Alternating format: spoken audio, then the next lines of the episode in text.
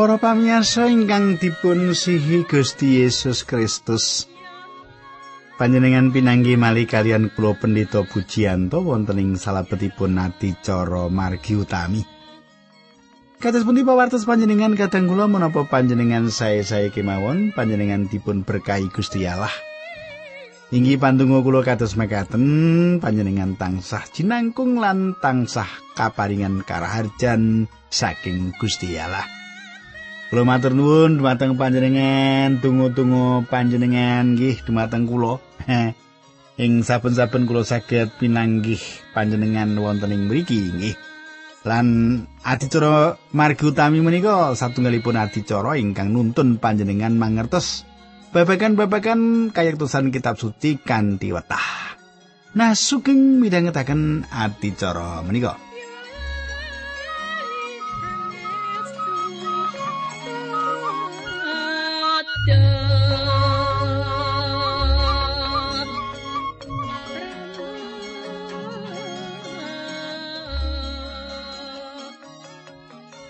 Para pamirsa ing pepanggihan kepengker, kita sampun nyemak gegayutan tiang-tiang lewi.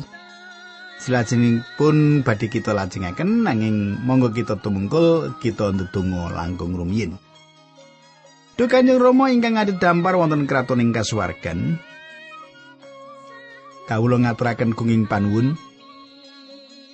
Dene ing wanci menika kawula saged patunggilan malih kalian sedherek kawula ingkang setya midhangetaken adicara menika.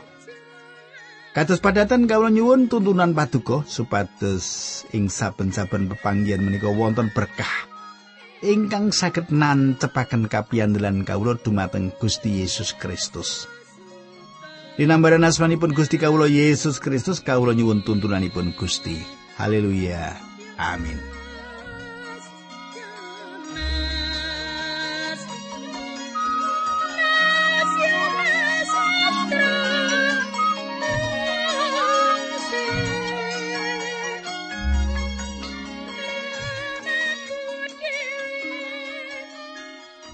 Para pamirsa ingkang kula tresnani, pasinaon kita samenika sampun lumebet ing setunggal babat songo ayat 3 mangke lajeng kula lajengaken. Makatan surasipun, wong Lewi ana sebagian sing oleh tugas menyanyi ana ing pedalemane Allah. Kuwi para panggedhene keluarga sing manggon ing gedhong-gedhong ing pedalemane Allah. Wong-wong mau ora duwe tugas liyane mergo nyambut gawene rino pengi. Para pamirsa, wonten kathah kidungan nyanyian ingkang dipun pimpin dening sawetawis tiang Lewi ingkang sampun katetepaken. Ing Israel, musik dikembangaken wonten ing tingkat ingkang inggil piyambak. Emut Daud menika saestu kadudut manahipun gegayutan kalian musik menika. Dawud dipun timbali dados tiyang ingkang yasa jabur ingkang dipun remeni ing Israel lan saperangan ageng jabur-jabur menika dipun serat dening piyambakipun. Pasal menika dipun tutup kalian garis turunipun keluarga Saul. Menika satunggalipun garis turun ingkang panjang piyambak ing salebetipun kitab suci lan boten wonten ingkang kados menika ing salebeting serat-serat utawi sejarah jagat. Garis turun menika kawiwitan saking Adam lan kapungkasi ngantos Adam ingkang pungkasan. Perkawis menika meratelaken dumateng kita bilih kita sedaya wonten ing salebetipun keluarga ingkang sami. Mesti kemawon boten wonten satunggal tiang ingkang saged naliti garis turunipun ngantos dumateng Adam ing jaman samenika. Awit garis turunipun menika sampun dipun sirnakaken ing pitung puluh dening Titus ingkang waosi Rum. Sinau sakatus makaten kita saged meratelaken garis umum bilih kita asal milanipun saking Adam. Para pamirsa sanget nutut manah lan penting kangge dipun serat gegayutan anggenipun ngicali cetha sanget saking garis turunipun ingkang dipun serat ing mriki. Upaminipun kain lan keluarganipun malah dipun sebat kemawon boten. Ra Adam gadah lare jalar ingkang naminipun kain. Nggih, nanging piyambakipun boten dipun daftaraken ing mriki awit garis turunipun kapungkasi. Turunipun sirna dening toya bena kados ingkang dipun serat ing purwaning dumadi pitu. Ugi gagasan kula wonten satunggalipun cara ngicalaken salebetipun sedaya ngingkringan garis turun, malah ing salebetipun kitab purwaning dumados.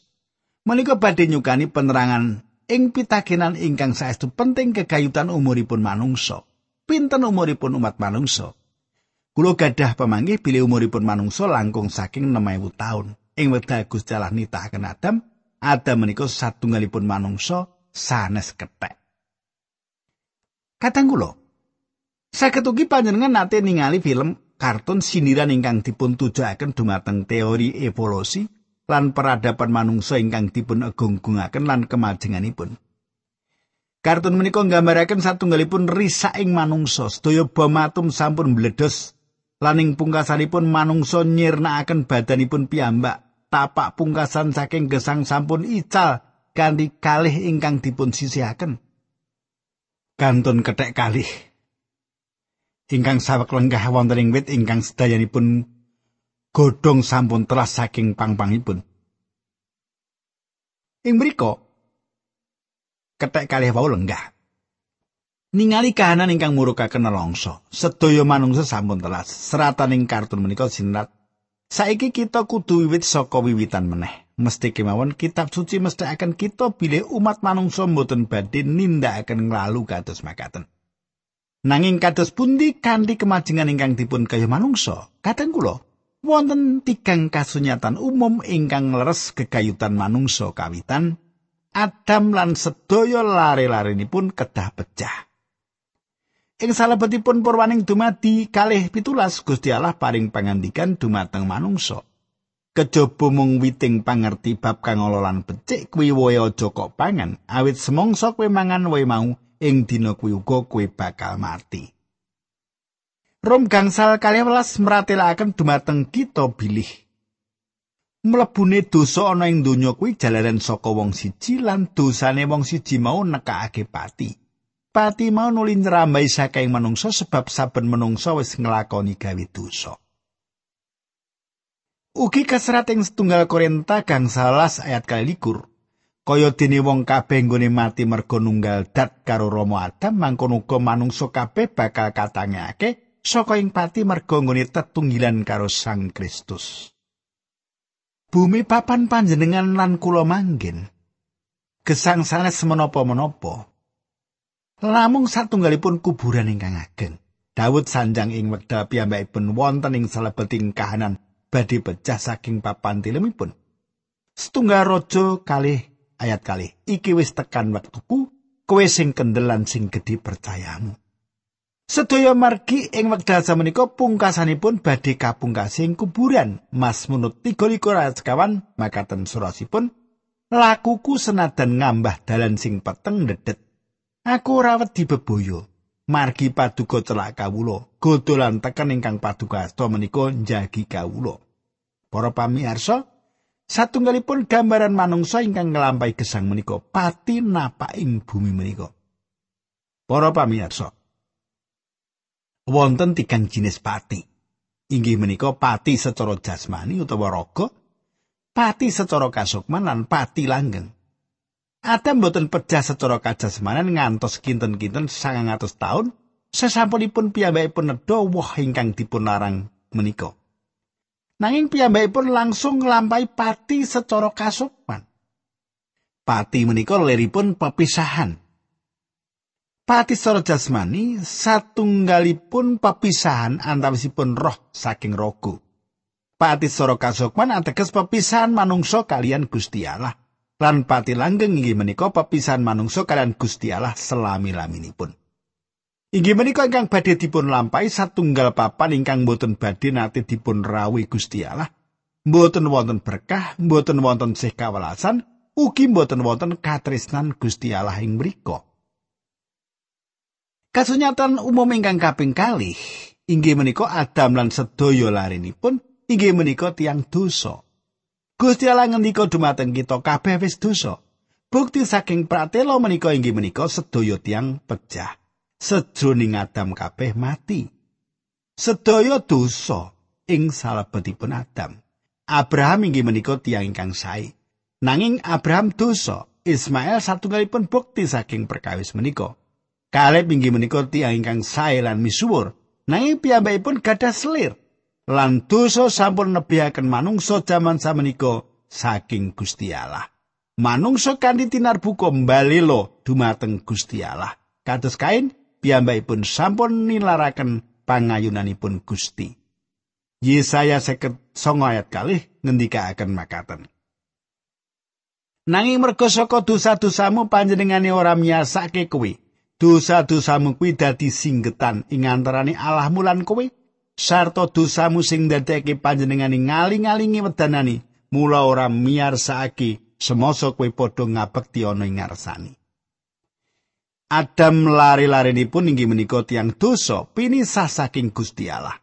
Dosa inggih menika satunggalipun pecut, satunggalipun penyakit, satunggalipun wabah ingkang sampun nular bangsa menika. Para pamirsa, sakit jantung menika awrat. Nanging namung sekedhik keluarga manungsa ingkang nglampahi kangilan gegayutan kalian jantungipun. Kanker inggih menika penyakit ingkang gegirisi. Nanging namung sekedhik ingkang nandang penyakit menika. nanging sedaya tiang sampun dosa. Mesti kemawon wonten ingkang benten kalian sedaya menika. Gusti Yesus Kristus mboten perlu sedo awit panjenenganipun mboten dosa. Panjenenganipun lumawan mengsah-mengsahipun. Cupi panjenengan semak pangandikan menika. Yohanes 8 ayat 46. Sopo ing antaramu sing bisa mbuktekake yen aku duwe dosa? Menawa aku mulangke bab kayekten sing saka Gusti Allah, apa sebab kowe padha ora percaya marang aku? Mboten wonten tiang setunggal kemawon ingkang saged Gusti Yesus menika benten kalian sedaya tiang nanging kita sedaya sampun dosa. Ora ana sing bisa mbuktekake menawa Gusti Yesus menika dosa. Kasunyatan umum ingkang kaping tiga inggih menika bilih Adam lan lari-larinipun sampun nampeni sih kawalasan. Henok dipun wilujengaken. Kados pundi? Kanthi iman. Nuh inggih menika tiyang kang sae nanging piyambakipun boten dipun wilujengaken awit perkawis menika. Awit iman, Nuh nyawisaken satunggal perahu kangge nyelametaken keluarganipun. Abraham inggih menika tiyang kang sae nanging piyambakipun ugi tiyang dosa. Abraham kumandel dumateng Gusti Allah lan anggenipun pitados menika dipun petang minangka iman. Dawud ugi satunggalipun abdi Gusti Allah ingkang ngidapi-dapi nanging kita mangertos pilih Daud sampun dosa. Gusti Allah paring sih kawalasan dumateng panjenenganipun. Paulus ngendika dumateng pasaman Efesus. Efesus kali ayat sekawan lan kangsa. Nanging merga saka lubering piwelase Gusti Allah lan sih kadarmane sing gedhe banget. Panjenengan iki kersa nangekake kita saka ing pati bareng karo Sang Kristus. Senajan nalika semono kita cara karohanan wis mati merga panerah kita merga saka sih rahmati Gusti Allah kuwi padha keparingan keselamatan. Petrus sanjang, tunggal Petrus tunggal ayat 3. Pinuji Gusti Allah, ramane Gusti kita Yesus Kristus, merga saka gedhening sih rahmati. Panjenengane wis nglairake kita meneh srana wungune Gusti Yesus Kristus saka ing situ. Merga saka kuwi urip kita kebak ing pangarep-arep. Para pamirsa Gusti Allah kita sampun rumentah sih kawelasanipun dumateng lari-lari Adam. Menapa panjenengan sampun nampi sih kawalasan saking astanipun Gusti Allah? Sih kawalasan menika kacawisaken kagem panjenengan. Kayektosan ingkang luhur menika namung saperangan saking dawuh ingkang kita panggihaken ing mriki ing salebetipun garis turun saking pasal kawitan setunggal babat. Menika satunggalipun garis turun saking keluarga Adam. panjenengan kula kaemot ing salebetipun. Kita sedaya kacakep ing salebetipun bangsa ingkang sami.